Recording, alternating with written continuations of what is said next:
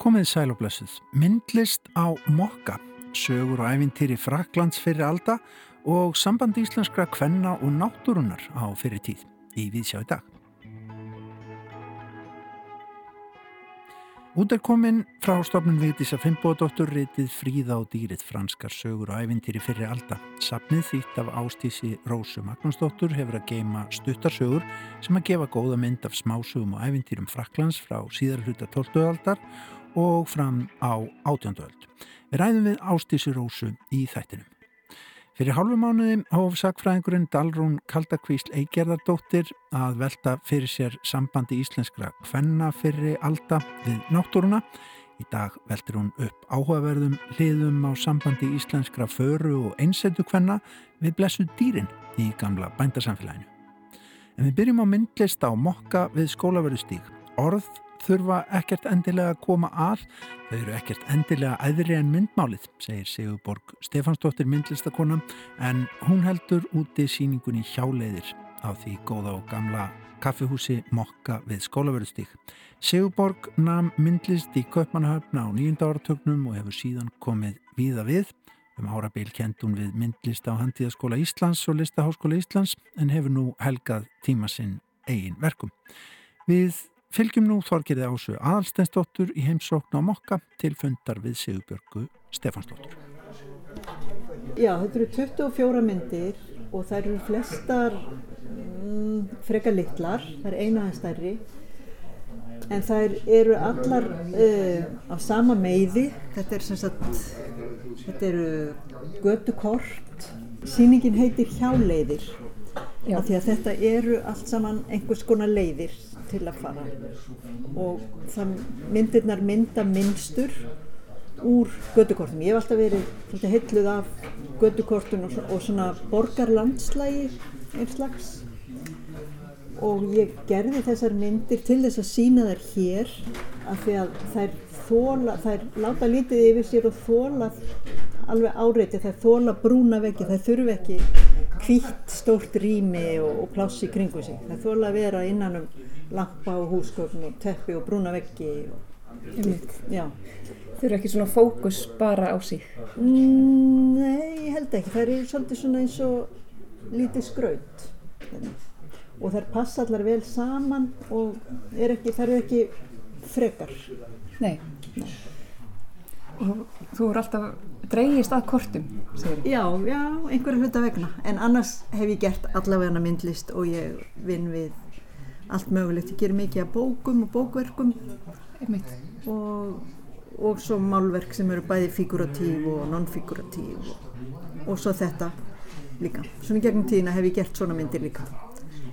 Ég sá að þú varst með síningu í haust á, bók, já, bókverkum. á bókverkum. Já, ég er meðlumur í hérna, bókverkahóknum Arkir og við höfum sínt viða mikið í bandaríkjónum og erum alltaf með hérna einhver, eitthvað í gangi. Og núna er síning í Noregi sem við erum að taka þátt í og verður í bandaríkjónum í vor ef allt verður eðlilegt. Og Breitland í april þannig að það er alltaf einhverju viðbörður í kringum bókverkin. Og bókverkin eru svolítið annars eðlis þar kannski, já þar notast ég meira við orð að mér er er erfitt að tala um myndverk, um málverk vegna þess að þau eru eitthvað sem að maður bara upplifir eða horfir á rétt eins og maður upplifir tónlist. Mist, já, mist, skrítið að tala um það í útvarpi sérstaklega. En, uh, en bókverkin eru öðruvísi þar, þar er svona skapa maður lítinn heim og, og það er allt frjáls, maður getur nota myndir og orð og allt mögulegt mm. sem ég gerir, jáfnveil sögur og ljóð og bara hvað sem er Einmitt. þannig að mér finnst mjög gaman að vinna svona fjölbreytt Já En þú læriðir út í Danmörku? Ég læriði í Danmörku, í tekník og grafík, það var bæði svona grafísk hönnun og svo líka svona frjálst með mm. og reynda tók ég eitt ár í textil líka. Þannig að síðan hef ég, já, unnið bara mjög fjölbreytt og finnst það bara algjör lúksus að mega það. Já. já. Meðal hann starf sem kennari, ekki sann? Jú, um tíma eða daldi lengi kennari, já. Akkurat. Viltu að ég gangi með þér hérna? Já, endilega.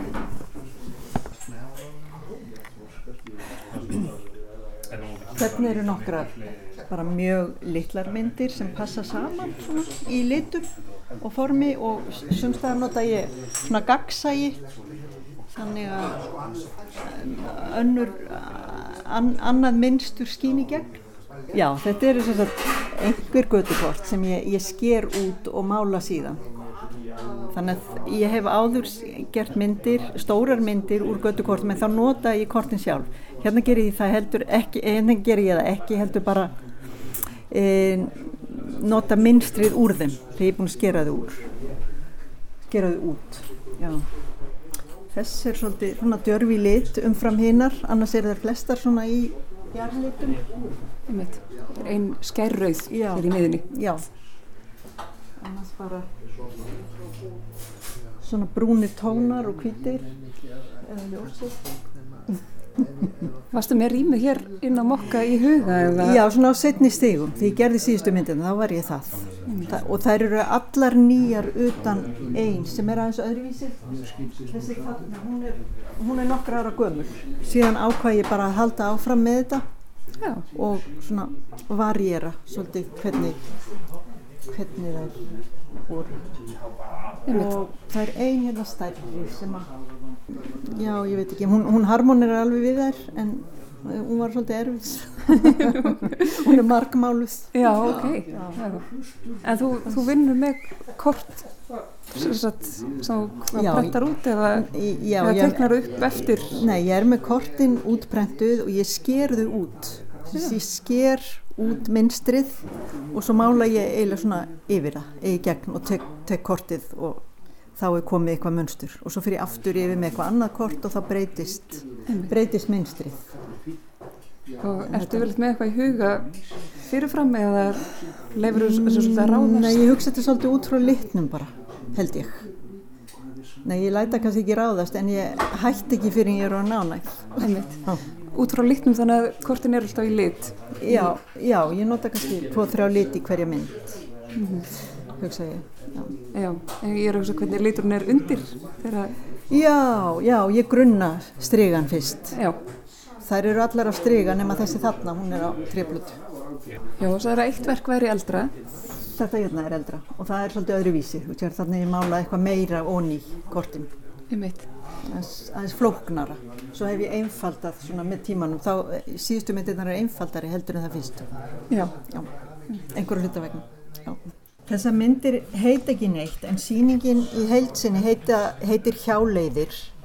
Ég var líka að hugsa um krossgötur eða eitthvað svo leiðis en mér fannst þú mikið að fara að nefna hverju eina mynd og ég yfirleitt gef ég myndunum ekki nafna því mér finnst það vera eitthvað annað.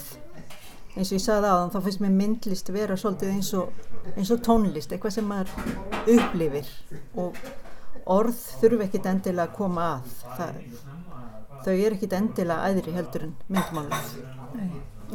En þau veist, þau kannski trubla, geta trublað. Já, það getur alveg tröflað, en kannski í sömum tilvægum getur það bætt einhver við, en einhvern veginn ekki fyrir mig, þá finnst mér það ekki þurfa eða gera neitt fyrir myndirnar. Það bætir þær ekkert alveg. Það þurfa að standa fyrir sínum. En er þetta hvort hvaðan er, var Allt- heiminum eða? Allt mögulegt, já, Já. bara allstaðar að. En þetta er, eru allt einhverja borgir og svo náttúrulega heilmikið skáldalefi líka. Ég skil. Já, og hérna, með þessa elstu mynd, Já. þannig að þú áttir hana og svo var, þið búið við að... nei, svo langaði mig bara að halda áfram með þetta að gera eitthvað meira svona því mér fannst það var eitthvað sem virkaði í henni þannig að ég fór að gera nokkra þegar ég var kannski búið með tíu þá fór ég að aðtöga hvar ég geti sínt þetta og, og hvort ég vildi sína þetta. Já, og þegar ég var búin að gera 25 þá sagt ákvað ég að sína hér. Og þær eru 24 hér. Já, já, við þurfum, ok, en þannig að það er eiginlega tilviljun að litinni passi svona tóni vel, já þetta mála- eru náttúrulega svolítið mínir litir. Ég stjórna því ekki alveg. Nei. en, en þú er ekki verið með mokka í huga þegar þú Nei, ekki, ekki allra fyrst, en svona þegar ég fór að leita fyrir mér af stað, þá fannst mér þetta algjörlega henda, að því að mér fannst þær ekki eiga vera í svona einhverjum hvítum gallir í sölum, Nei, ekki þessar myndir, nei. Skemmtilegt. En ég hef alveg málað sko stórar, stóra myndir og, og allavega hana sem, já, sem hefði alls ekkert passa hér. Nei. Nei. Og svo hef ég gert klippimyndir og teikningar og alls konar. Ég nota bara þá tækni sem að henda hverju sinni, hverju verkefni.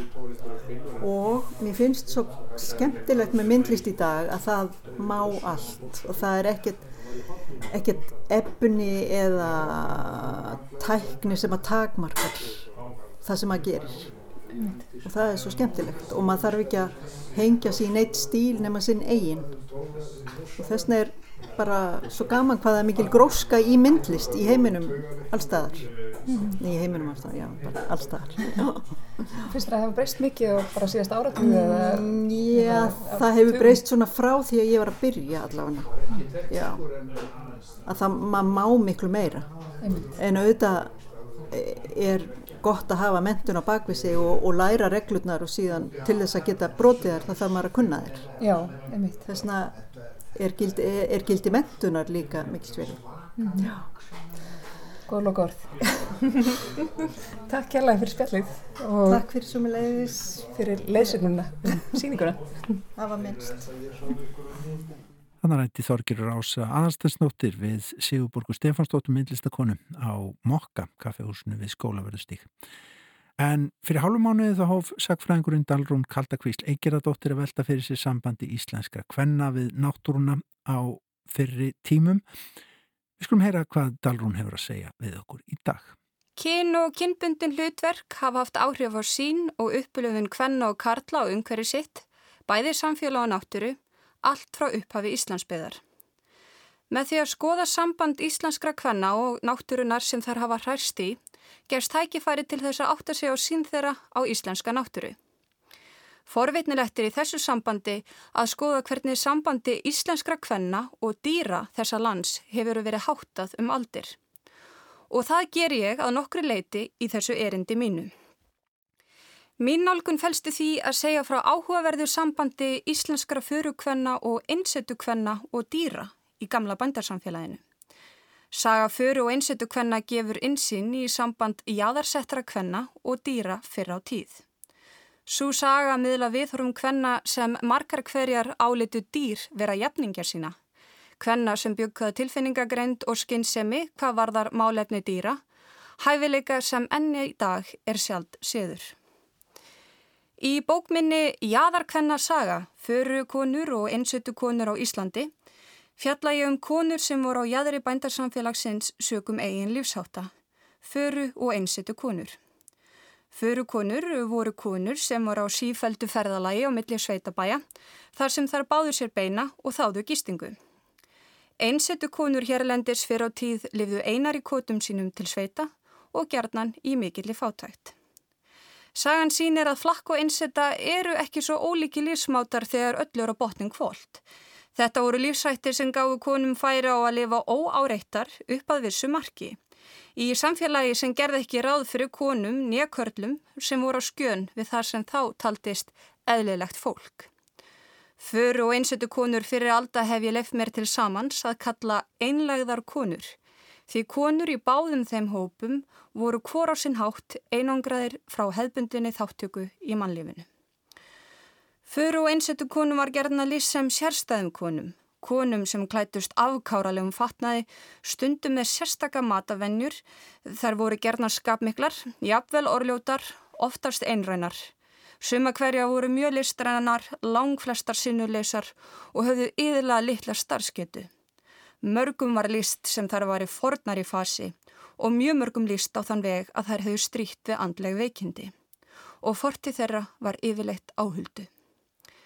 Það sem einkennir sögu, föru og einsettu kvenna fyrra á öldum er ekki síst lýsingar af sterkri samkend margra þessara kvenna með hústýrunum sem þar umgengust og vildir letu þar sig líka varða. Þessar konur voru það sem kallast annars vegar dýra vinkunur og hins vegar dýra vendunar sinnar. Samhugð þessara einleðara kvenna með dýrum gæti reynst þeim torveld í gamla bændasamfélaginu Þar sem menningabundnar hugmyndir manna fóli sér grundvallar viðmið þar sem mennutu réttinda en önnur dýr rétt leysis. Sá skilningur sem jæðarkonur höfðu á líðan dýra gamla bændarsamfélagsins er skilningu sprottin upp af reynslu þeirra sem vita hvað það er að lifa í neðstu skörinni í þjóðfélagi manna. Saga fyrir og einsettu hvenna enginni skjarnan af hörmum, ekki síst í tilfelli fyrir hvennana sem þurftu gerðnan að þóla áfull og slæma meðferð umfram aðra í samfélaginu. Saga þeirra er ríkað lýsingum sem sína að gerðnan var komið fram við þær eins og dýr, jafnvel allt frá blöytu bartspenni. Þá vikið söguminni að jæðarkonum fyrir tíma sem voru miklar dýravinkonur. Frásagnir af mörgum föru og einsettukonum sína hver félagskapur dýra var þeim mikilsverður. Svo dýrmætur að margar hverjar kursu félagskap dýra fram yfir félagskap manna. Máleysingja, hund og hesta, hún sem vini taldi besta, var orrt um eina förukonum Íslands. Lífjæðarkvenna og dýra var stundum svo samúið að munnum fannst nóg um. Þá var sagt að ástkvennana til dýrana gengur hófu fram, svo sem gerðnan er sagt þegar að fólk kemur fram með dýr sem jafninga sína. Í því skyni að varpa ljósi á vináttu jæðarkvenna og dýra í bandarsamfélaginu dreg ég fram fáinn dæmi um umgengni einsettukvenna við dýrin sem þar heldu í kvotum sínum. Einsettukonum var oft líst sem miklum dýravinkunum Ótalsagnir segja af samskiptum einsettu kvenna við dýrin sem konurnar mátu gerðnan ofar mönnum, hvernig konurnar hlúðu að dýrunum á bæjum sínum. Hér má nefna til söguna einsettu konuna Guðlögu Runálsdóttur sem fætt var árið 1869 og lest árið 1939. Einsettu kona sem gekk í Karlmannsfötum og reið klófega. Guðlaug bjó í litlu koti í miðjum haukatalskói þar sem hún stundaði sjálfsþurftarbúskap í skjóli trjána. Guðlaug var líkt og margar einsettu konur sögðu vera mikil dýravinkuna. Í einsettunu stunda hún gardarækt, hjælt 40 kindur, hundin sám og eitt gráan hest sem kuð hafa heitir lýsingur en hún Guðlaug kallaði hann ætið blessuð beinin. Þegar Guðlaug var búin að slá túni sitt þá bar hún heimið, heið heim í kott því ekki vildu hún að hesturinn, blessuð beinin, væri að þreita sig á því.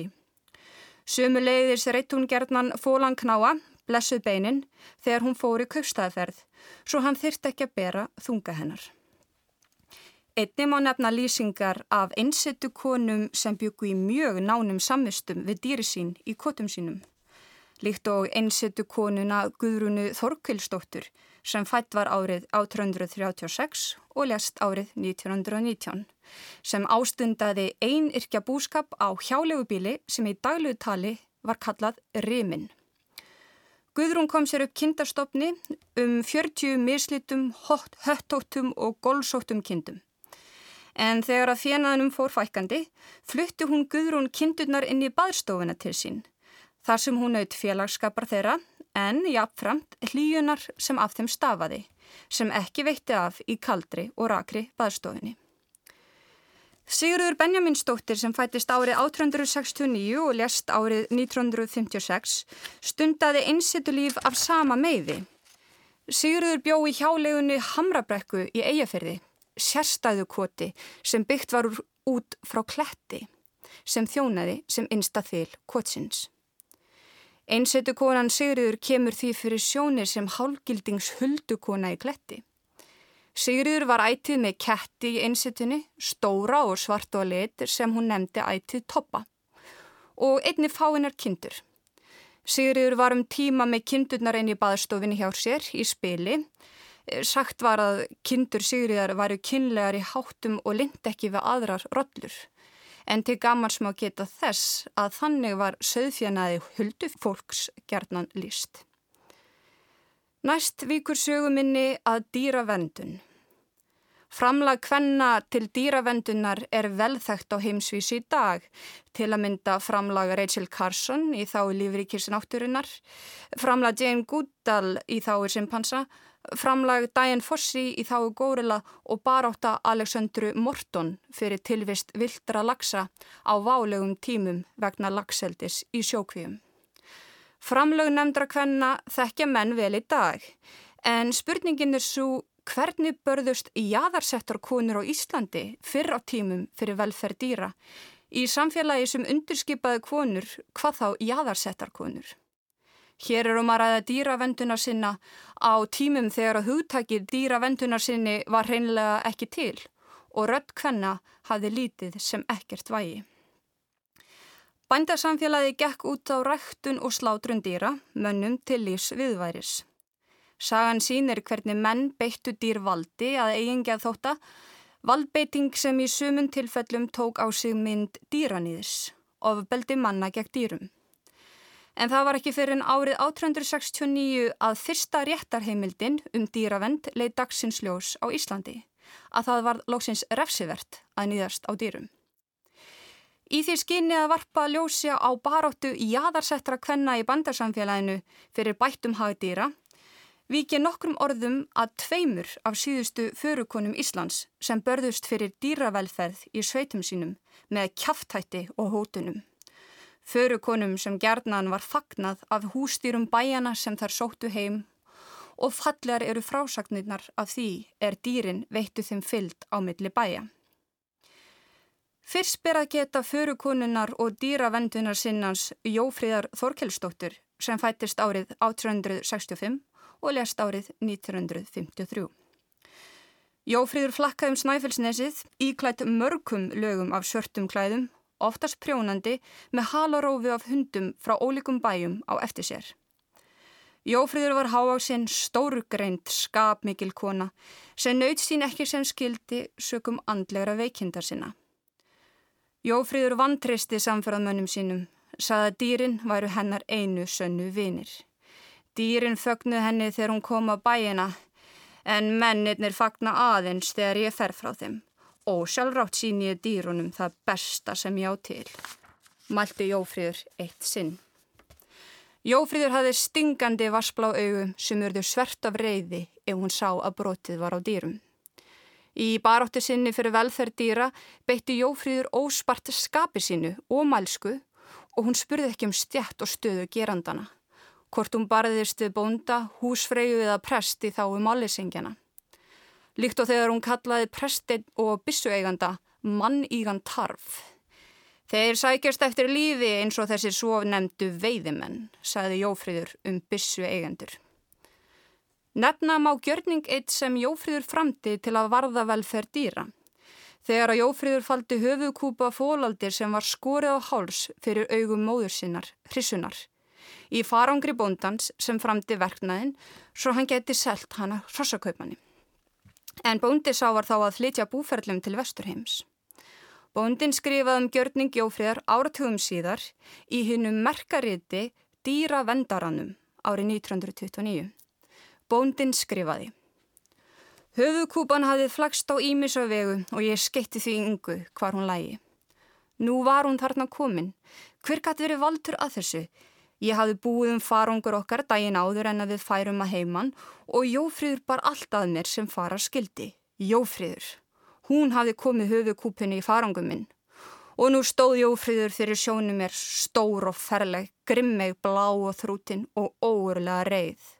Og mér fannst að aftur dind á mér ávíturnar, heitingarnar og heftin sem hún hafi stiftið við mig eftir að ég skar fólaldið. Hún var eini maðurinn sem vítti mig fyrir verkið og Jófríður bað mér margra bölbæna. Hún sagði að skugginn af þessu verki skildi fylgja mér til æviloka og loks inn í eiliðina. Svo fór hún að gráta og grátandi bað hún drottin að venda alla málisengja, venda þá fyrir djöfulæði mannana. Ég mun hafa setið lengi og starað á þennan horna atbyrð. Loks reysi á fætur, greip hugukúpuna, gekka öldustoknum og varpaðin í hafið. Skuggin af nýðingsverki mínu fjallar sálminni eins og ísingar stakkur og við því býst ég eigi að hann fá að fullu horfið þaðan fyrir hann á banadæri mínu. Megi það þá verða. Skrifaði bondin. Þá næst vikur sögunni norður að fyrirkoninni og dýravendalunarsinnanum Margretir Siguradóttur sem fætt var árið 1869 og lest árið 1962. Saga Margreðar var þjóðkunn þegar Ómar Ragnarsson gaf út bókina Manga með svartan vanga. Margreð hitti Ómar þegar hann var í sveit sem drengur. Förukonu saga Margreðar markast af samskipta örðuleikum hennar við samferðamenn sína, en jafnframt af merkingarþrungnum samskiptum hennar við dýr. Fyrsta ástinn í lífi Margreðar var Svanur sem hún vingaðist við sem barn. Svanur sem hún, bláfátætt stúlkubarn, hlúði að og gaf af sínum litla matarforða. Þegar Margret hófað að flakka á sínum fullónisárum þá fylgdi henni gerðnan hópur dýra á flakki hennar á milli bæjana í langadalnum. Kettir, hundar og jafnvel hænur fylgdi henni eftir. Margret gætti alltaf því að vera með ykkert bita fyrir dýrin í skjóður sinni, líkt og fyrir svanin sinn forðum daga. Margret var talskona dýraréttinda í sinni heimasveit og líkt og í tilfelli Jófríðar reyndis magnað skap hennar Margreðar og mælska mikilvægt tól í baráttu hennar í þáu málesingjana. Engin skal viðfengja mátt skapvonsku kvenna sem beita henni í þáu lítilmagnans. Föru og einsettu konur voru gerðnan framandlegar í augum fólks, komu gerðnan fyrir sjónir sem einskonar vættaverur í bændarsamfélaginu og fólk hrættist þar á köplum, vissi ekki hvað þar gáttu gert. Þekking fólks var þannig að það gatt engin útilokað að þær byggju yfir ykkurum krafti, fjölkingi.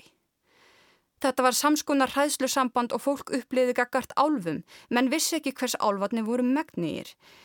Álvarsögur synd á sinn hátt, nátturu og dýravend, þegar spilað var á ótta manna í garð álvana. Um það vitna þjóðsagnir af álagablettum og af boðskapi álfa um bætta umgengni við dýr.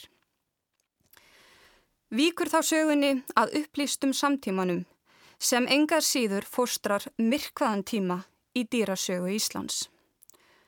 Á Íslandi er fyrir nokkru genginingar tími markarsvætrar dýraræktunar sem að umfangi er langt umfram það sem eðlileg sjónamið geta skýrt hvort það er vísað í neikvað áhrif á umhverfi, á helsu mann og dýra eða þann skort á síðferði sem slíkri ræktun fylgir.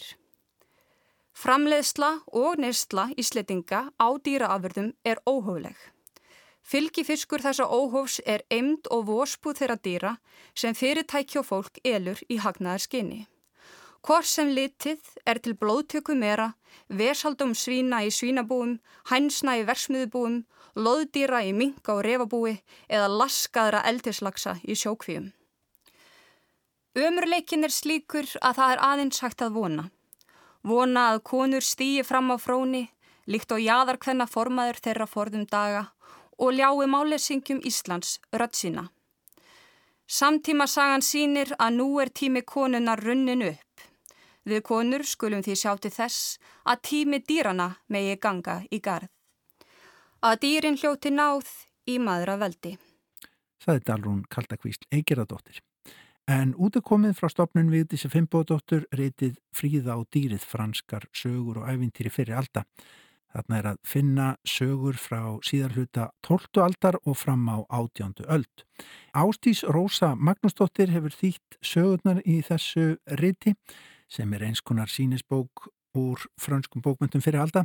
Við hittum Ástísi Rósu í dag og spurðum við fyrstu hvort að frakkar á miðaldum og fram á upplýsingaöld hefðu verið sjúkir í stuttar sögur.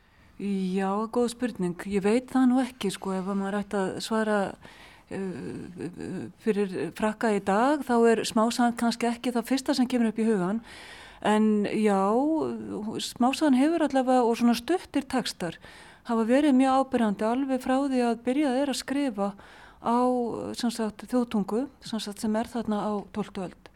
Já, alltaf af og til er svona til hliða við önnur verk eru þessi stittri, verk og nóa þeim. Ef við hugsaum um það allra elsta þá er það yfir litið bundnumáli, ekki satt? Jú, það allar verallega bókmyndir er í bundnumáli á 12. öld og talsett mikið enn á 13. jafnvel eitthvað á 14. en strax eftir aldamátinn 1200 þá er farið að skrifa verallega bókmyndir í álausamáli og við sjáum það líka til dæmis eh, á hérna í, í, í þessari bók að fyrsta svona fyrsti stutti tekstin, lausamálstekstin er þarna frá svona fyrir hluta 13. aldar Sko, maður hugsaður oft til miðaldar sem svona mjög svona reglubundin samfélag sem er mjög ríkt í hefðum, mjög hýrarkýst og maður gæti hugsa sér að, að bókmyndir sem sprett upp úr þannig samfélagi ég séu svona doldið, hvað maður segja, síðavandar. Það, það, það sé verið að segja fólki aðeins til að hafa sér og halda sér á móttunni innan þess kerfis. Ég tengi búið að lítið við þetta vegna þess að, já, auðvitað, það er kannski við höfum ákveðin að mynda samfélagi miðalda en, en við veitum kannski minna heldur en við höldum og menningarlífið var mjög fjölbreytt og við sjáum það til dæmis á bókmyndatekstum franskum, þessum eru skrifaður á fransku og þeir eru mjög fjölbreyttir og mikið oft gamansamir og svona svolítið djarfir en, en það er auðvitað líka til tekstar sem eru svona kannski svona meiri stíl dæmisagna og svo eru ryttar á sögurnar sem eru oft litið á svona sem fáaðri bókmentir en það er e, innihalda kannski ekki svo mikla reglur um svona þetta daglega líf, þetta er kannski meira einhver sín, fyrst og fremst bara skaldskapur sko sem verður að setja þarna fram í, í ákveðnu myndum sem fólk hafði ánægja af það hefur að fjalla um samfélagið allt í raunni það, og það er svona, við fáum insýn í daglegalífið líka.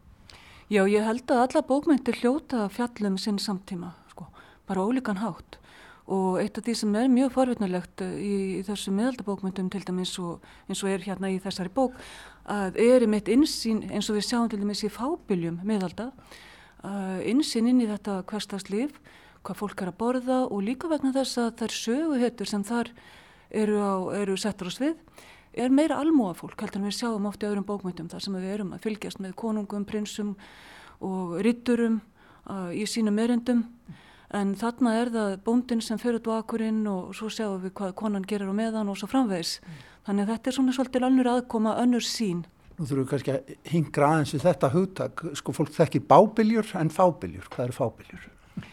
Fábilja er uh, bara, sem sagt, svona getur við sagt íslenskuna á orðinu fablió sem er bara stutt saga er hann að vera frá bara fabl, fabula og er bara stutt saga, já. Og það er mjög opið huttak, það rýmar rýmislegt. Já, sko á miðöldum er fábilja nótu samt sem áður um svona kannski frekar gaman samari verk, já. En, en, en, en svona merkingarlega séð þá eru, er þetta stutt saga en lang oftast eru þessa stuttu sögur samt sem áður uh, sannsagt uh, gamansamar og oft svona svolítið, já, svona svolítið týraði stundum, en ekki alltaf. Hvað er það sem er verið að henda gaman að? Er það samskipti kynjana eða er það, það hýrakíðan í samfélaginu milli, milli hérna, þeirra, þeirra ríku og þeirra sem hafa minna eða hvað er það? Já, ég held að það sé bara allt mögulegt. Það er stundum sagt uh, í, til dæmis varðandi fábiljuna að, að uh, það eina sem ekki mátti gera grína var konungurinn og páfinn en allir aðrir.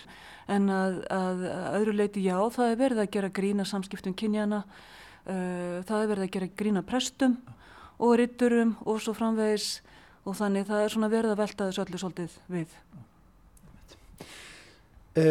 Eitt sem að vekur aðdegljumans, það er stór hlutur kvenna í, í þessum textum sem þú velur uh, inn í þetta sapn uh, það byrja nú bara með konu til dæmi sem heitir því verðulega nafni Marie de France bara Fraklands Marja hver var hún?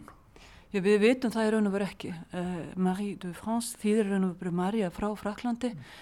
og við þetta er sannsagt höfundur sem hefur skilja eftir sig svona nokkur verk og, og þar á meðal það sem er oft kallað ljóðsugur stuttverk í bundnumáli og uh, sem voru þýtt á, á hérna Norrænu uh, undir heitinu Strengleikar á 13. öld og hérna uh, en við veitum hvað líktið hver hún er. En líklegt er talið að hún hafi samst, verið frá Fraklandi en komið yfir til Englands. Þá er samst, konungur og hýrð Englands franskumælandi.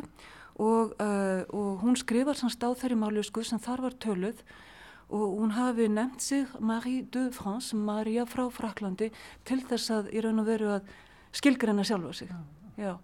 En hver hún var nákvæmlega það hefur mikið verið skrifað um það uh, þannig ég held að við höfum ekkert í hendi neitt um hennar um það hver hún var nákvæmlega Þegar að koma því að velja úr já, ég gef mér að þetta séu þetta bara brota, brota, brot af, af því sem að þessar aldir allar geima í frans, fransku bókmyndum. Hvernig var að velja inn í þetta saman?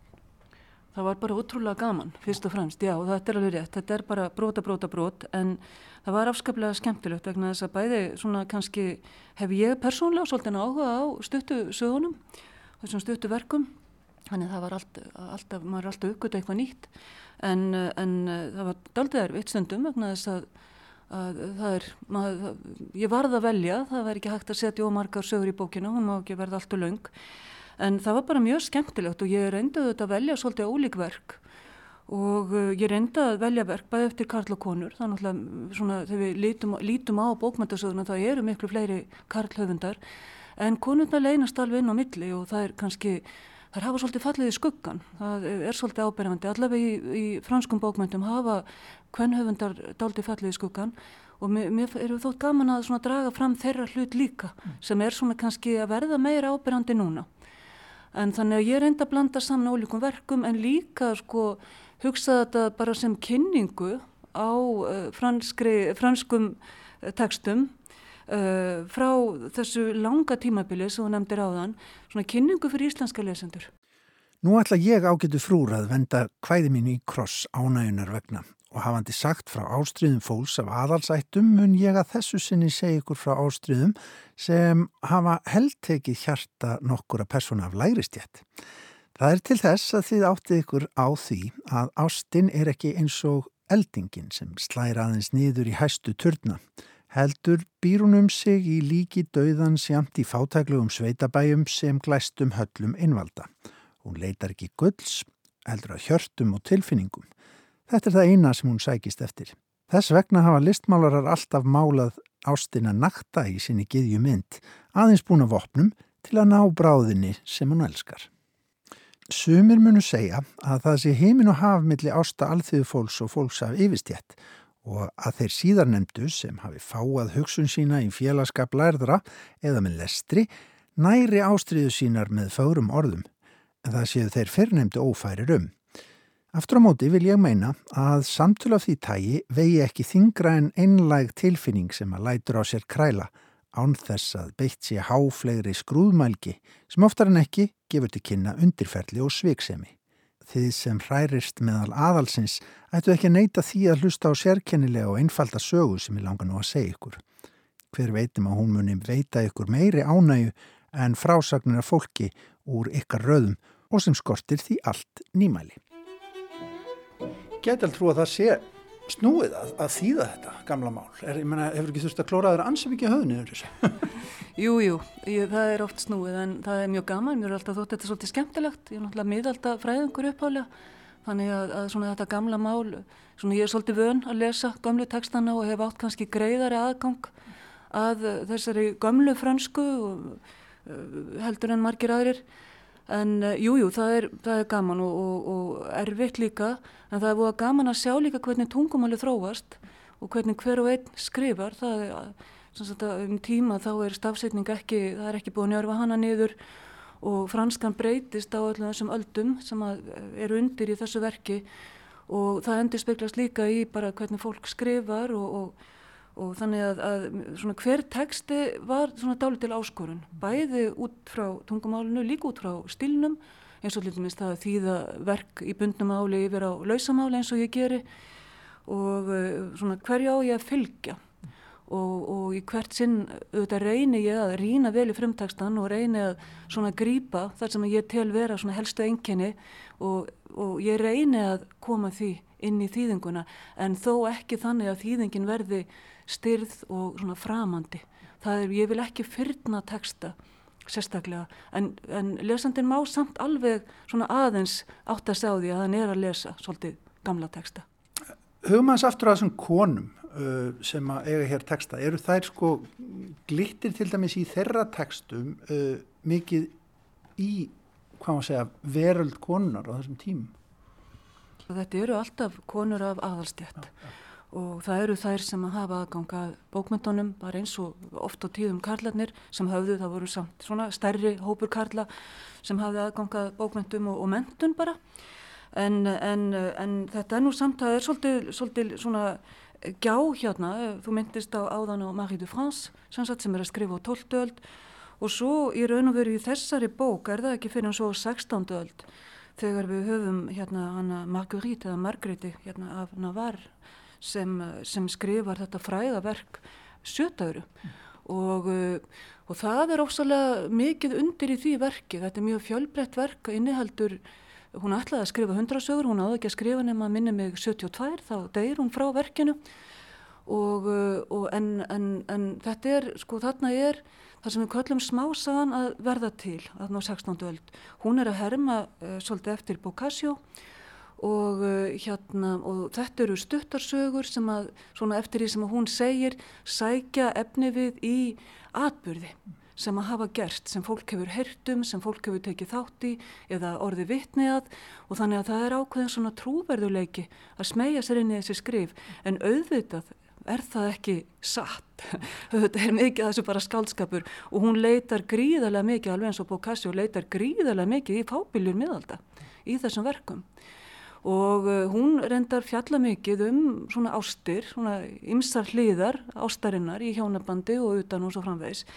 Uh, hvort að það var svona meiri hugarheimur eða, eða, eða veruleiki hvenna heldur en Karla, ég, ég veit það ekki, þetta er efniviður sem að höfðaði bara til fólks og, og, og þetta eru fyndnarsögur og skemmtilegar oft á tíðum, þó að það sé svona alvarlegur undutótt oft hjá henni, svona svolítið móralskur líka En, eh, en svo ef, ef við höldum áfram að þá má segja að til dæmis á næstöld og 17. öldinni, þar eru við komin inn í svolítið annan, eh, á svolítið annan stað í franskri að þá eru margar konur sem að fara að skrifa og og alveg svona, svona í, í, í samengi þessa, þessara bókar þá kannski finnst mér forvitnilegast að benda til dæmis á ævintýraritunina sem að sprettur upp í Fraklandi þarna undir loka aldarinnar. Og hún sprettur upp úr uh, samkvæmum úr, úr það sem að kalla var salón og þar sem fólk hittist og spjallaði saman og sagði sögur fram og aftur, sagði sömu sögun aftur og aftur og, og hver á sinn hátt og, og á einhverjum tímapunkti er byrjað að skrifaði niður og það er ekki bara konur, það eru líka karlar en konurnar þarna blómstra í þessu umhverfi og, og byrja að skrifa og ég er til dæmis með eina sögu hérna í, í þessari uh, bók eftir konu sem heitir Madame Dolnois sem var afkastamæsti ævintýra höfundur 17. Uh, aldar og ég held með minnur hún hafi skrifað einn 25 ævintýri sem eru kalluð bókmæntalega ævintýri það er gert til aðgrinninga frá svona þessum kannski alþýðlegri ævintýrum sem að sem að hérna, vinnukonurnar voru að segja eða alþjóðukonur eða alþjóðu fólk. Þarna er unnið með textan. Þetta er fólk sem að er að skrifa og lagar verk uh, að uh, þeim veruleika sem það lifir í og hærist í og það sögurna bera þess greinilega merki. Þarna speglast uh, flottir gardar, húsakinni, klæðaburður, jafnvel matur sem var á borðum hjá aðlunum og jafnvel við hyrðina þá erum við náttúrulega komin inn á upplýsingatíma og 17. og 18. öld og maður myndi halda svona að, það, að hann sé svona, já, vísindilega þengjandi en fólk er alveg sjúkt í, í æfintýrið og, og framhandleikan og, og, og svona, það svona hinduvetnin. Já, já, það má segja það, sko, manni finnst þetta svolítið mótsagnakjönd og líka til dæmis með hlið svona því sem er að gerast í bókmyndum eh, í Fraklandi á 17. öld, það er náttúrulega miklu meira um þetta og það er svo langt frá því að allt sé svona létt og skemmtilegt. Það er líka mjög svona uh, þungu uh, undiralda harmleikurinn er afskaplega vinsæl og þykir að flottasta bókmyndagreinin uh, á þeim tíma og þetta sem á rætur að reykja til Grekja og þannig að annars vegar er þessi, eru þessi alvarlegu verk sem þóttu, þóttu merkileg, voru eftirsóknarverð, höfundur eins og Voltaire til dæmis sem skrifar heimsbyggjaævintýri eða heimsbyggjusögur á átjándöld, hann, honum, honum fannst það ekkert merkilegt, hann vildi verða frægur fyrir harmleikina sem hann skrifaði og sem hann var þekktu fyrir í sínum samtíma. Hitt var bara, þetta var hitt var bara svona til gaman skert. En, en að mætast miklar anstæður og það er alveg rétt að annars vegar eru við með, þú nefnir upplýsingöldina og og svo hins vegar þessi mikla þörf og þessi mikla gleði sem fælst í þessari ævintýrarítuna um þetta leiti til dæmis mjög snemma átjándöld er 1001 nótt þýtt á fransku, er óbósla vel tekið og verður mörgum innblástur uh, við rítun af uh, ævintýra sapna í sveipuðum dúr þannig að þarna mætast mikla randstæður, það er alveg rétt. Fríða borðaði af góðri list. Hún var nánast ekkert hrætt við skrýmslið lengur en hún var næstum því dáinuróta þegar það sagði við hana Fríða, vilt ekki verða konan mín? Hún þagði um stund og var hrætt um að reyta skrýmslið til reyði ef hún neytaði. Þó svaraði hún titrandi röttu. Nei, dýr. Vestlingskrimslið ætlaði að andvarpa en þessi stað kvæsti það svo hryllilega að undir tók í allri höllinni. Fríða jafnaði sig þó fljótt vegna þess að dýrið kvatti hana angurmætt á svip, gekk út úr herbygginu og leitum auksl af og til og mændi á hana. Þegar Fríða var orðin einn fann hún til mikillar samúðar með þessu vestlingstýri. Æ, hugsaði hún, mikið leitt að það skuli vera svona ljótt vegna þess að það er svo gott. Fríða var þrjá mánuði í höllinni án þess að ókýrast. Á hverju kvöldi heilsaði dýrið upp á hana og á meðan hún borðaði kvöldmatinn spjallaði það við hana af nokkur í skinnsemi en aldrei af því sem fólk kallar andagift.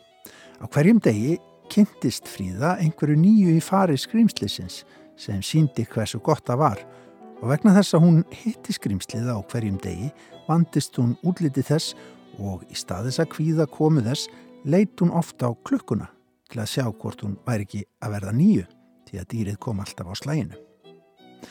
Það var aðeins eitt sem allir henni vanlíðan og það var að skrýmslið spurði hana alltaf áður en hún fór í háttin hvort hún vildi giftast sér og veistist þjakað af sársöka í hvert sinn sem hún saði nei.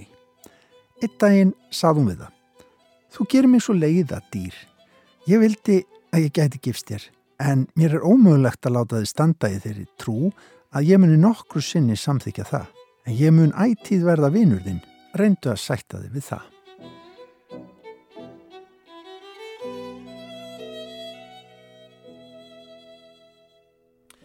Sko, titil sagan, Fríð og dýrið, við, við þekkjum hana, við þekkjum hana náttúrulega eftir krókaleðum, ekki satt, ég menna, segð okkur hans frá þessari frægur sögu, Fríð og dýrið. Allir halda þeir þekki Fríð og dýrið og þekkja sína útgáfa Fríð og dýrinu, margar útgáfi til, en mér fannst svo ótrúlega skemmtilegt að rekast á íslenska þýðingu af Fríð og dýrinu eh, sem Hannes Finnsson, biskup þýtti og byrti í verki sem heitir Kvöldvökunar 1794 eh, Hann byrtir sagt, fyrir hluta þessa verk 1796 og síðar hefti kom út 1797 og hann var mikil franskumæður og, og í þessu verki þýðir hann mörg uh, nokkur fransk æfintýri og meðal annars uh, frí, sögunum fríðodýrið uh, sem hann kallar um skrimslu góða. Og, og, hérna, og þýðir þetta bara virkilega, þýðir söguna virkilega vel. Og þess vegna fannst mér gaman að, að, að, að að, að, að kalla bókina, svona skýra hana svolítið í höfuð á þessu verki. En svo bara burt sér frá því þá á þetta ævintýri sér svo mikla sögu þannig séð. Þetta er upphaflega svolítið svona, svona langt verk sem kemur fyrst út 1740 það er líka kona sem skrifar fyrstu gerðina fríð á dýrinu 1740 sem er óbáslega áhugaverð gerð af sögunni en það verk sem Hannes þýðir er stitt útgáfa. Og þá hefur sagt, fransk kona sem heitir Madame Le Prince uh, uh, de Beaumont sem hún starfaði sem kjenslukona í London og kendi þar uh, ungum stúlkum og vildi svona í, þetta var á, á tíma upplýsingar og hún vil auðvitað fræða þeir og hún uh, setur saman svona bók sem ég kalla stundum bara barnabók og með alls konar sögum þar sem hún er búin að velja ævintýri, alls konar fræðandi pistla og allt mögulegt. Og þar setur hún inn, býr til sína stuttu útgáfu af sögunni af fríð og dýrinu þar sem hún er einfölduð og löguð að í raun og veru að börnum. Og þetta er sagan sem Hannes Finnsson þýðir svo í sínu verki Koldögurnar sem var ætlað íslenskum almúa og ekki síst íslenskum börnum en upphálega sagan er ekki eiginlega ætlað börnum. Og þetta er svona dæmum þess aðeins til við vitum það að, að þau eru e, ekkert endilega skrifu fyrir börn. En það má laga þau að öllum þannig séð. Þetta er saga sem til er í mörgum gerðum sem sagt, bara það, það er ekki einhvern, það er engin ein, alveg hárri réttu texti eða hvað? Nei, nei, ég held að það æfintir eigi það sammeilegt sko að, að það eiga þau allir. Já. Og það er bara þegar maður segir sögu þá breytist hún. En það sem gerist hérna þegar, þegar þetta verk kemur út, þessi kjænslukona í London gefur út sína bók að þessi bók verður mjög vinsæl og breyðist út um Evrópa vegna þess að hún var nótu við fransku kjænslu og mér dettur í hug hvort Hannes Finnsson hafi orðistur út um þessa bók þar sem hann er ungumæður að læra í Kaupanöfn vegna þess að hann læriði fransku og þannig að, að þannig breyðist, held ég, þannig breyðist sagan um fríð og dýrið í þessari stuttugerð bara út. Hvernig svona vilt að þetta hérna, hafi fengið góðar viðtökur þetta rít, eh, þú ert tilnæmt til, til þýðingaveluna og, og vonandi hérna, svona kíkir fólk inn í þennan heim, er það ekki svona það sem að tilgangurinn er með svona að, að, að hérna opna heim bæði aftur í tíman og inn í þetta stórkusla land, Frakland? Jú, ég myndi segja það. Það er nú svona það sem að, maður er að dunda sig við þegar maður situr og þýðir svona gamla sögur að, að ég, ég er ekki beint að gera það fyrir sjálfa mig þó ég hafi gaman að því líka. Maður er meira að gera það í vonum að, að einhver hafi gaman að því að lesa verkin og, og eins og segir kannski opni sín inn í heim og, og ég held að öll lönd eigi sína æfintýri og sína stórkuslu bókmyndir en Frakland, eh, við búum svo vel sem að erum að vinna í franskum bókmyndum að því að það er svo gífulega mikið sem hefur verið skrifað í Frakland allt frá 12. öld og maður er bara alltaf, svona eins og við komum áðan, það er bara erfitt að velja, það er svo mikið.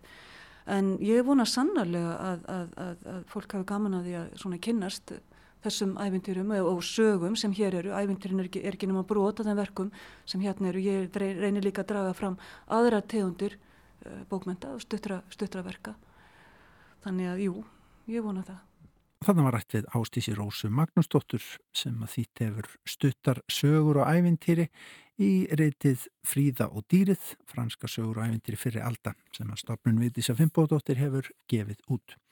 En svona ljúkum við við sjá í dag með hausin í Fraklandi ágættu hlustendur verður hér á morgun á sama tíma klukkan 16.05 verið sæl.